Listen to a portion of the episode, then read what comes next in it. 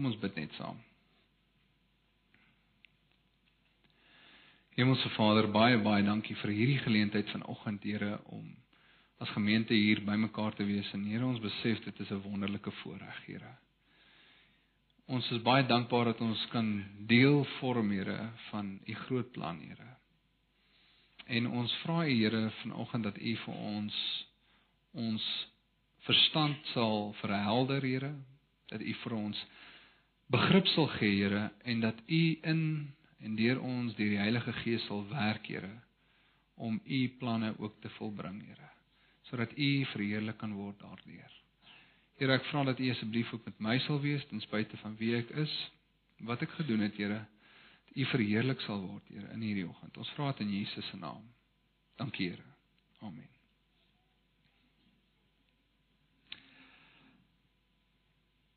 Vir wie ek nou nie vanoggend al goeiemôre gesê het nie, goeiemôre.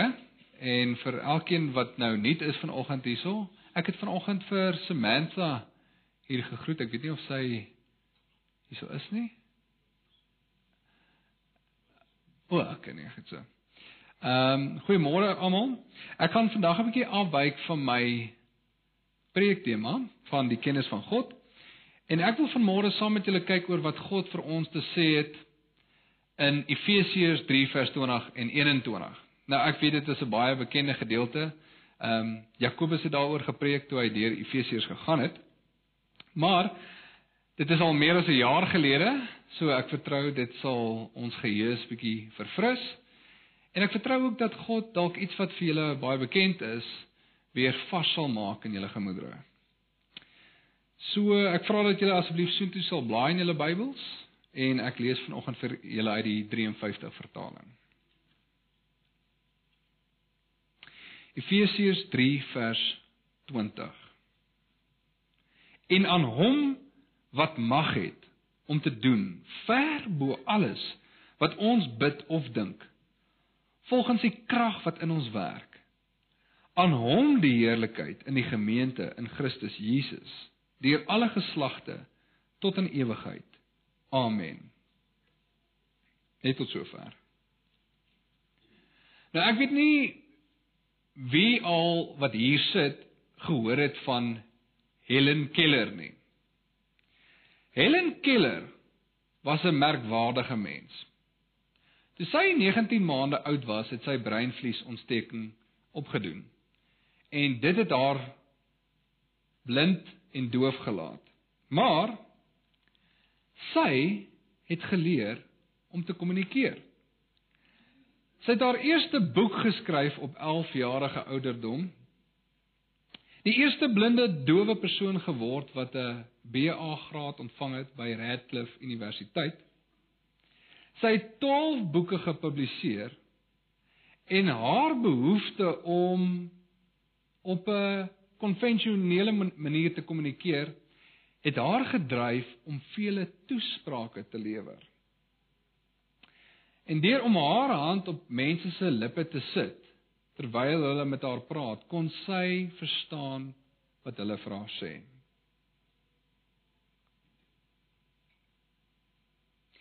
Ek dink 'n bietjie eers aan hoe onmoontlik dit klink om enige iets te leer as jy nie kan sien nie en jy kan nie hoor nie.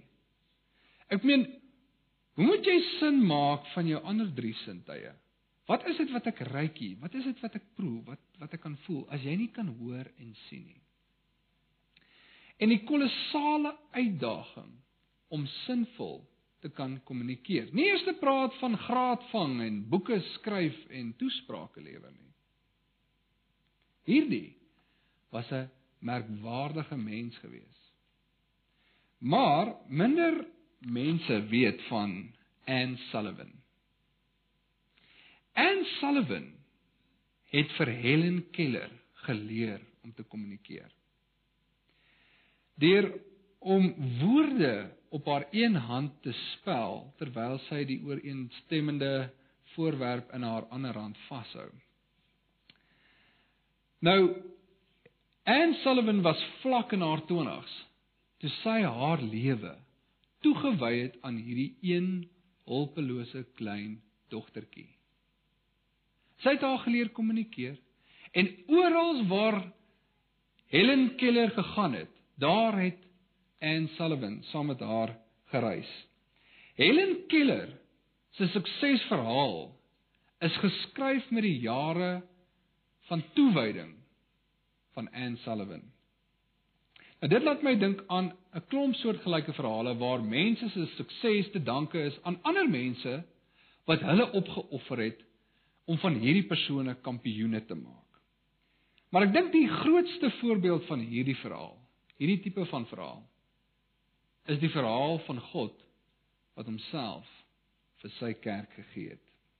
Dink maar aan die Paulusse, die Whitfields, die Wesleys, die Moody's, Ouens wat die wêreld aan die brand gesteek het.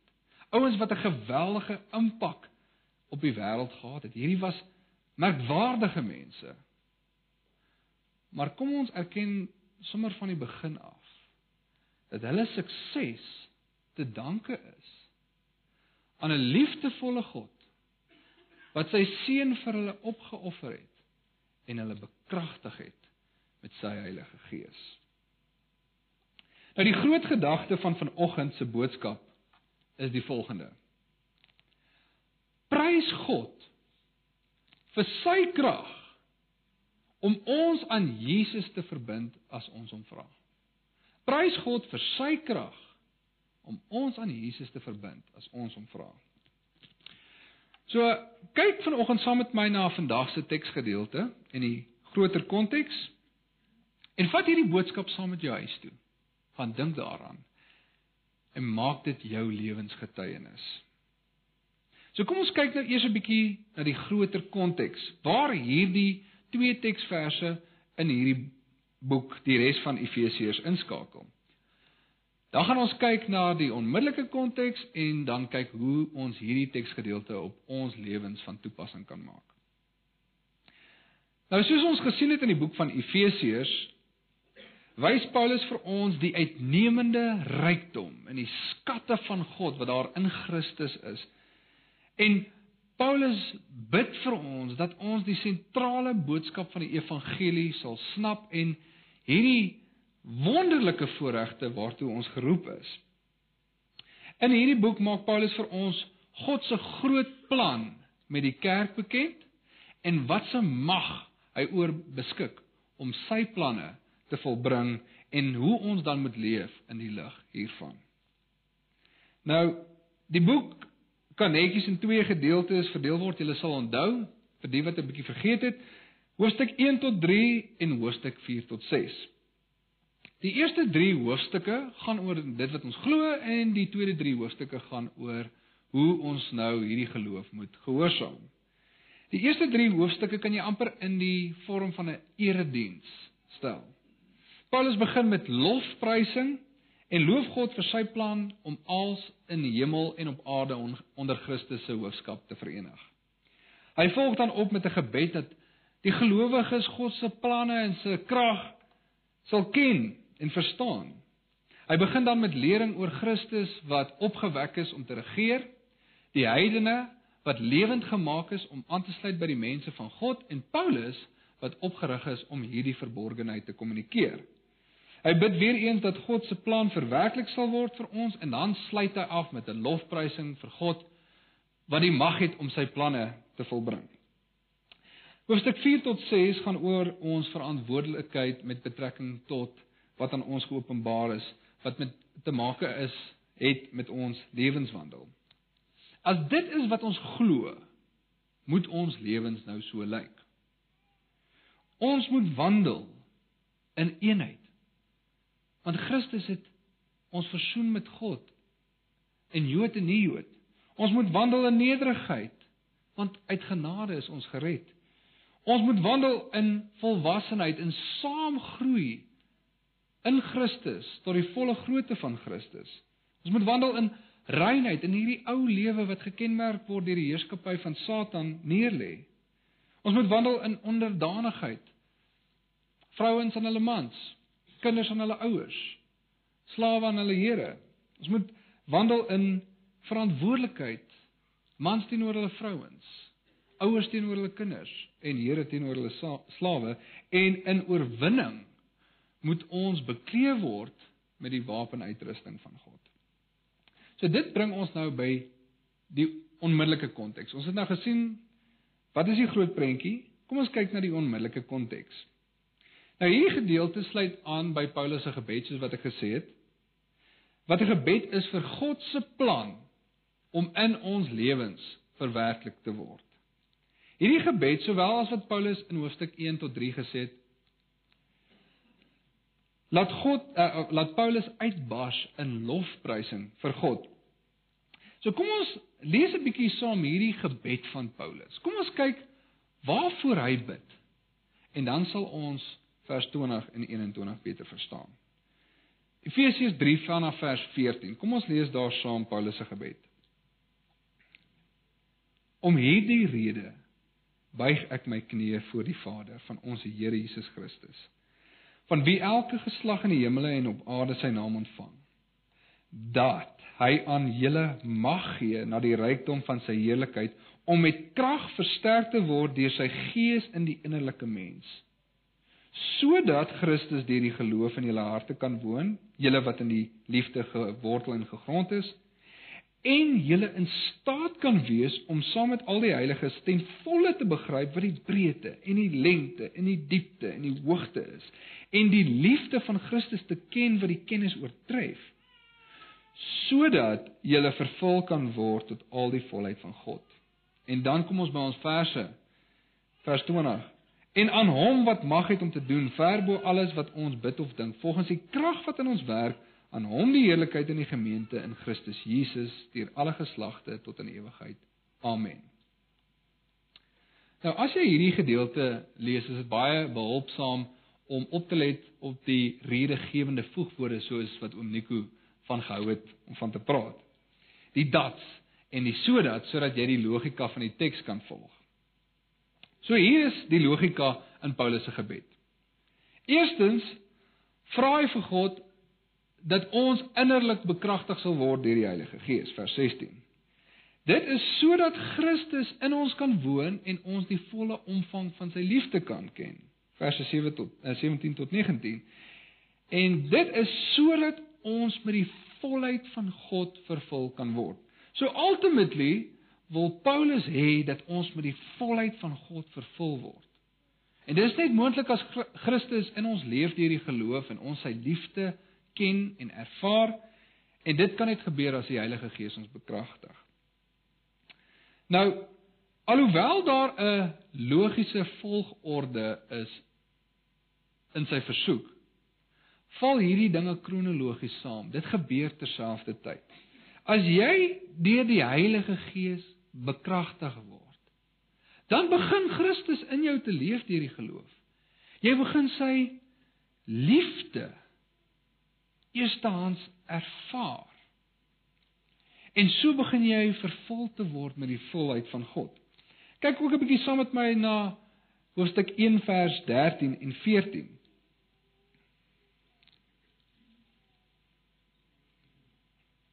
Daar lees ons in hoofstuk 1 vers 13 In wie dis nou Christus julle ook nadat julle die woord van die waarheid die evangelie van julle redding gehoor het in wie nadat julle ook geglo het, verseël is met die Heilige Gees van die belofte. So toe jy die evangelie gehoor het en tot geloof gekom het in Jesus, is jy verseël of bekragtig met die Heilige Gees en het Christus deur jou begin leef in die geloof. En het jy sy liefde begin ervaar. Nou die rede hoekom Paulus sê dat hierdie liefde die kennis oortref is omdat jy die persoon binne jou ervaar wat jou liefhet. Hierdie is 'n eerstehandse belewenis van Jesus wat jou liefhet. Dis nie net iets wat jy lees in 'n boek nie. Dis nie tweedehandse inligting nie. Hierdie is eerstehandse belewenis. En die mense wat hier sit wat gevul is met die gees van God kan getuig die dag toe die Here jou gevul het met sy Heilige Gees, het jy daardie liefde ervaar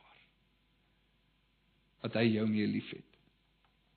Nou, hoekom sê ek dat Paulus bid vir God se plan om in ons verwerklik te word. Hoekom sê ek Paulus bid juis hiervoor? So, as jy saam met my na ehm um, vers 9 van hoofstuk 1 kyk, lees ons daar dat Paulus sê deurdat hy aan ons die verborgenheid van sy wil bekend gemaak het, na die welbehae wat hy in homself voorgenem het, so met ander woorde, hierdie is sy wil, hierdie is God se wil om die volheid van die tye te reël, om die geskiedenis so te organise met die doel om alle dinge wat in die hemel is, sowel as wat op aarde is, onder een hoof in Christus te verenig.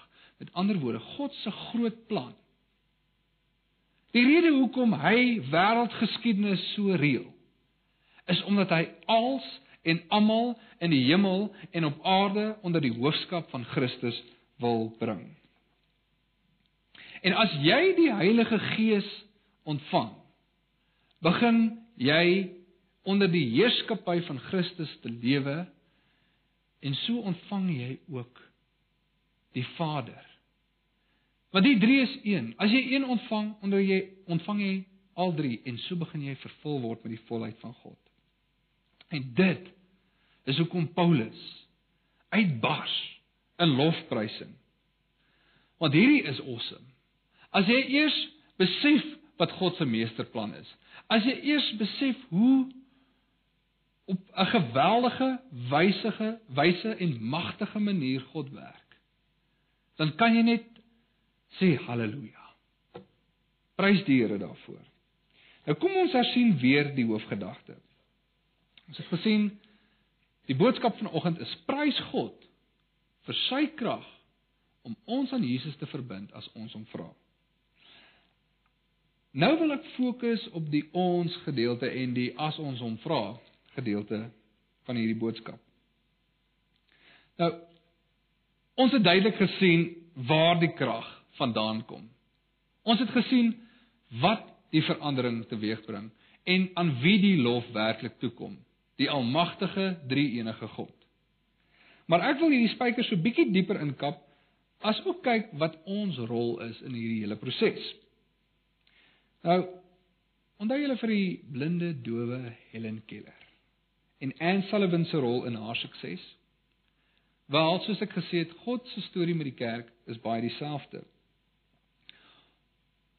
God vermag iets in my en jou wat ons nie in in onsself in staat is om te vermag nie. Nou, Paulus antisipeer die moontlike trots wat by ons mag opwel.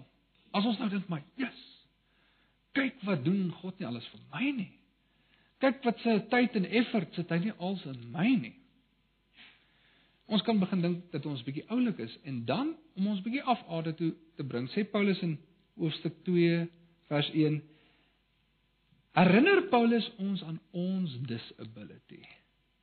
Hy sê en julle het hy lewend gemaak wat dood was deur die misdade en die sondes.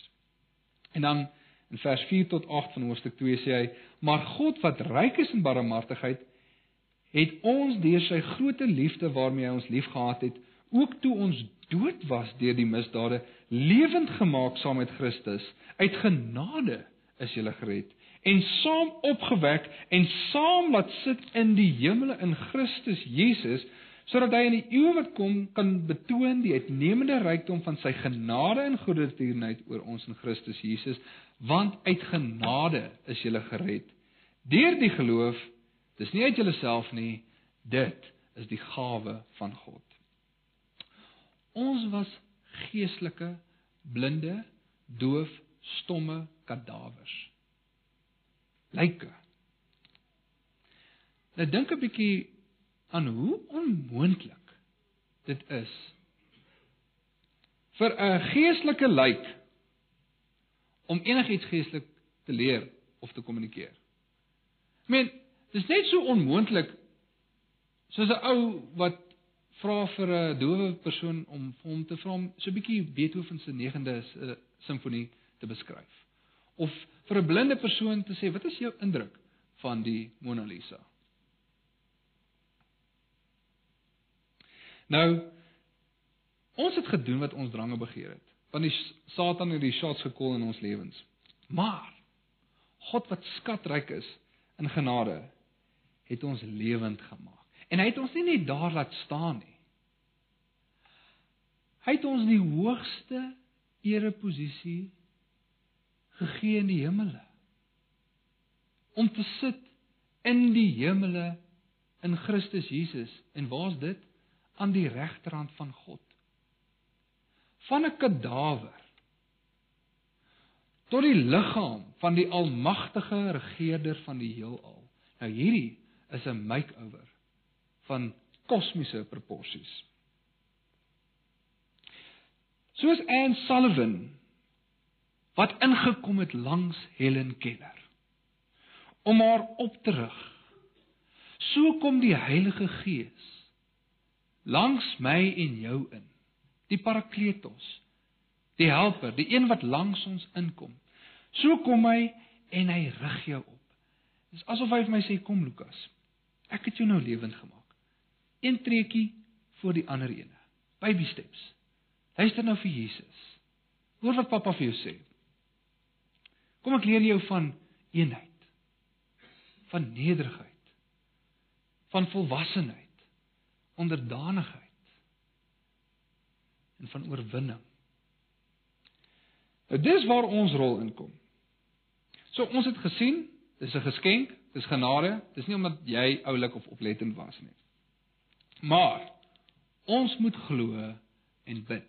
Om dit anders te stel, ons moet vir God vat op sy woord en dit wil hê wat hy vir ons wil gee.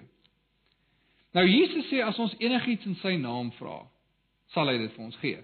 Nou dit is nou nie net om aan die einde van 'n gebed te sê in die naam van Jesus amen. Soos 'n towerspreek en voilà, daar het jy wat jy nou voorgevra het nie. Dit beteken as Jesus sy naam op jou petisie sal sit, kan jy maar weet jy kan daardie cheque gaan uitcash. En as jy bid vir die Vader se plan om verwerklik te word, dan weet jy jy het toegang tot die hemelse reservebank om jou betoog te befonds. Nou kom ons kyk 'n bietjie vlugtig na wat gelowiges se gebed al vermag het. En hoekom en hoe God dit op 'n manier beantwoord het wat hierdie ouens heeltemal so gebaffel het. Wat hulle nooit kon dink dat dit is wat God deur hulle gebed vermag het nie.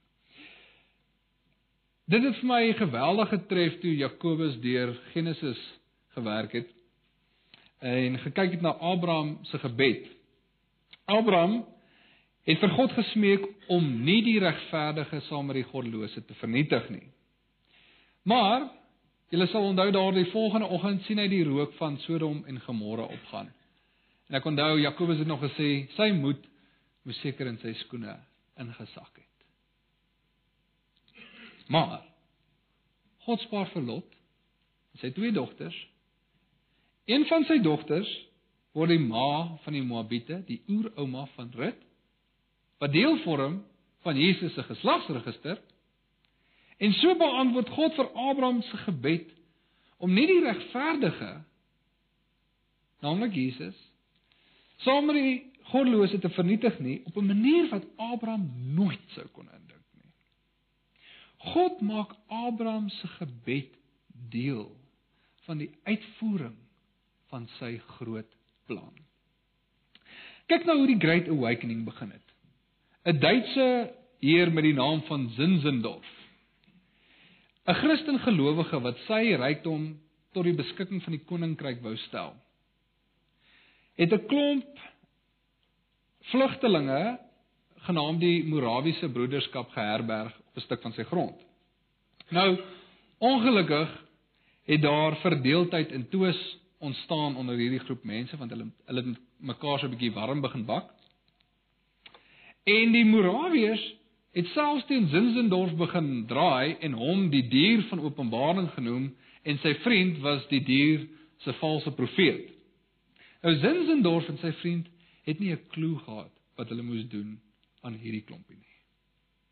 Toe gaan hulle en hulle bid ernstig tot God. En toe op 12 Mei 1727 het Zinzendorf die Morawiërs toegespreek oor die saligheid van Christelike eenheid. Hierdie ouens was tot op hulle harte gesny. Hulle was van sonde oortuig en hulle het hulle sonde teenoor mekaar begin bely. En hierdie groep mense het ernstig begin begeer dat die goeie nuus van Jesus Christus moes versprei. En hulle het toe begin bid vir God in die in Augustus 1727 dat God juis hulle deur sy Heilige Gees sal bekragtig vir hierdie begeerte wat hulle het dat God se evangelie sal versprei. En 5 dae later beantwoord God hulle gebed toe die Heilige Gees op hierdie gemeenskapie gekom het tydens 'n erediens. En hierdie ouens het op hulle gesigte neergeval in bekering en sondebelydenis. Hulle toe die Here begin aanbid en toe trek hulle los en hulle begin hom te loof en te prys. En hierdie ouens het verder onderneem om vurig te bid vir gemeenskappe wat steeds vervolg word, vir eenheid onder hulle gemeenskap en onder die liggaam van Christus en dat God se woord sal versprei dwars oor die wêreld.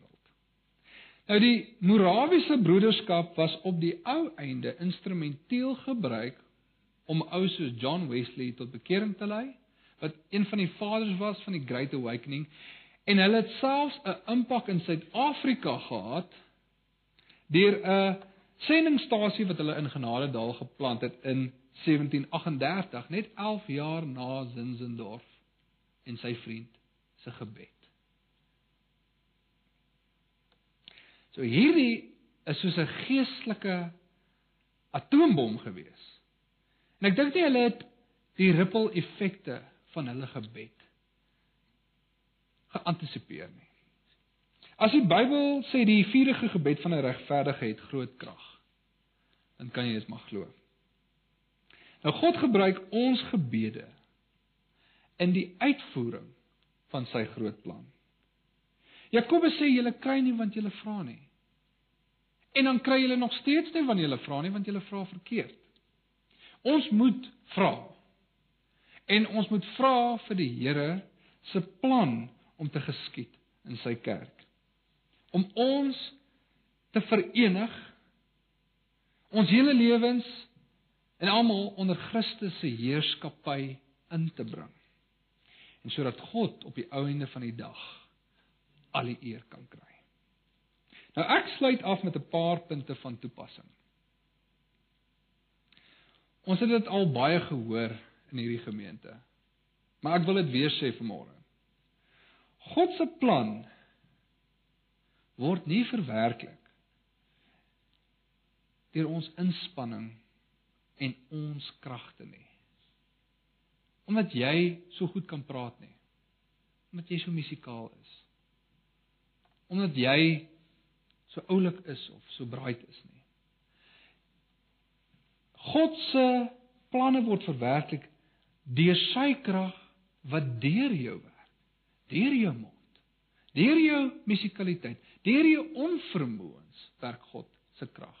Wanneer ons swak is, dan wys dit wie is werklik sterk. Nou blinde, doofstomme lyke het God se krag nodig om as Jesus se liggaam te funksioneer hier op aarde.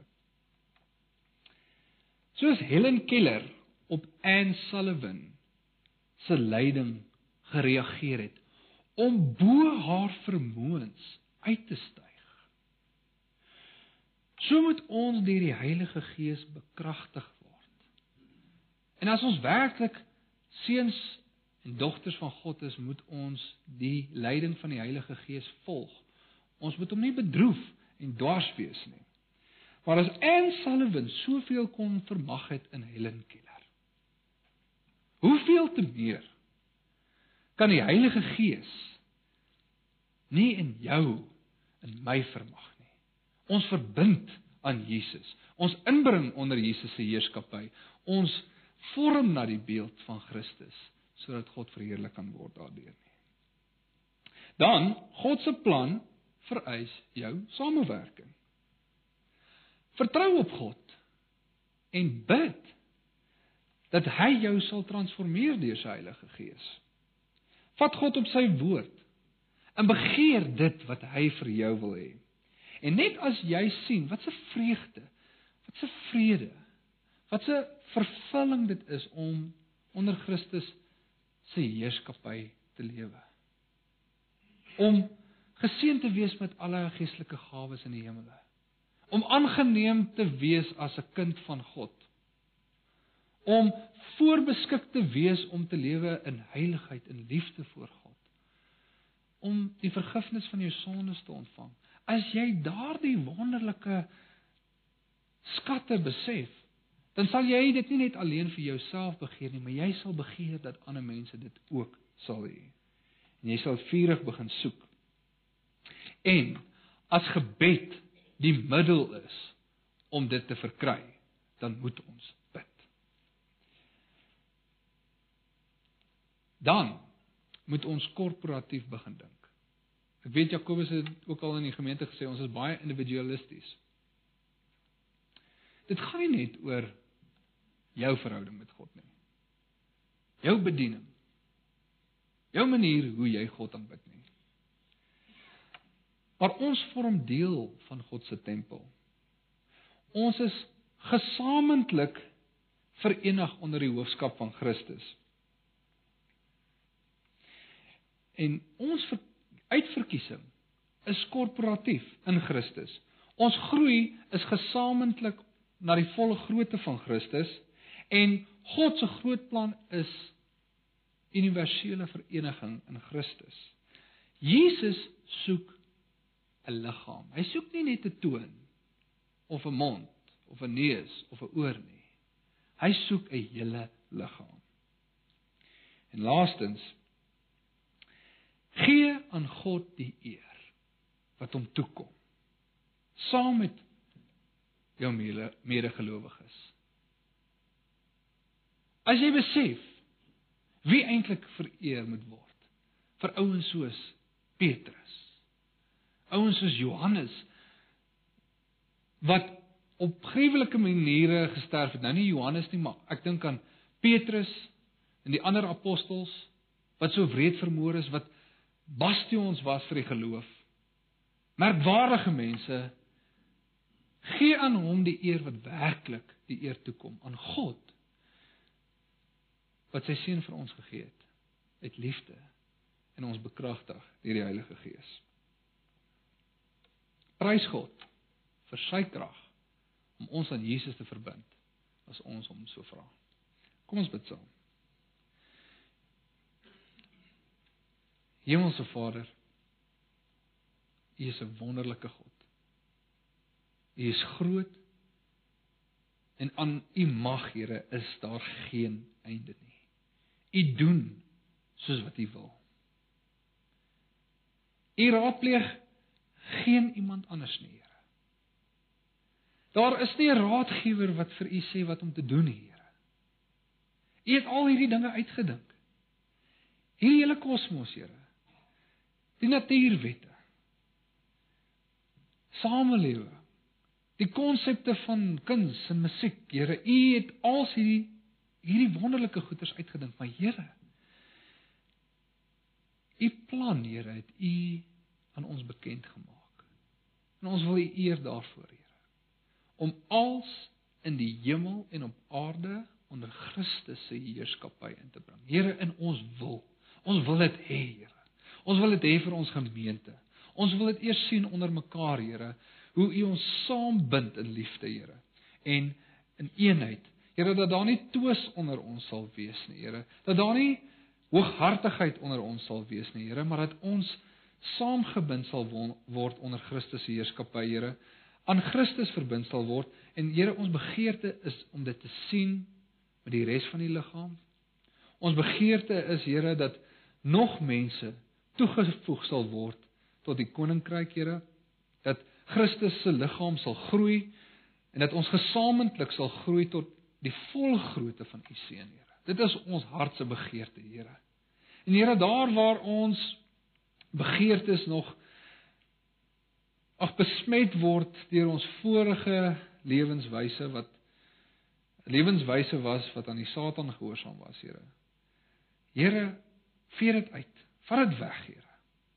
Vernuwe ons, transformeer ons, Here, sodat ons kan funksioneer as Jesus se liggaam hier op aarde, Here. En die koninkryk sigbaar maak en sodat U al die eer kan kry, Here. Mag die God wat nou alles doen volgens sy planne en sy krag ons hele lewens in hierdie week onder Jesus se heerskappy inbring. En mag ons lewe tot sy eer en hom vertrou vir sy krag in die dinge wil hê wat hy vir ons begeer in Jesus se naam. Amen.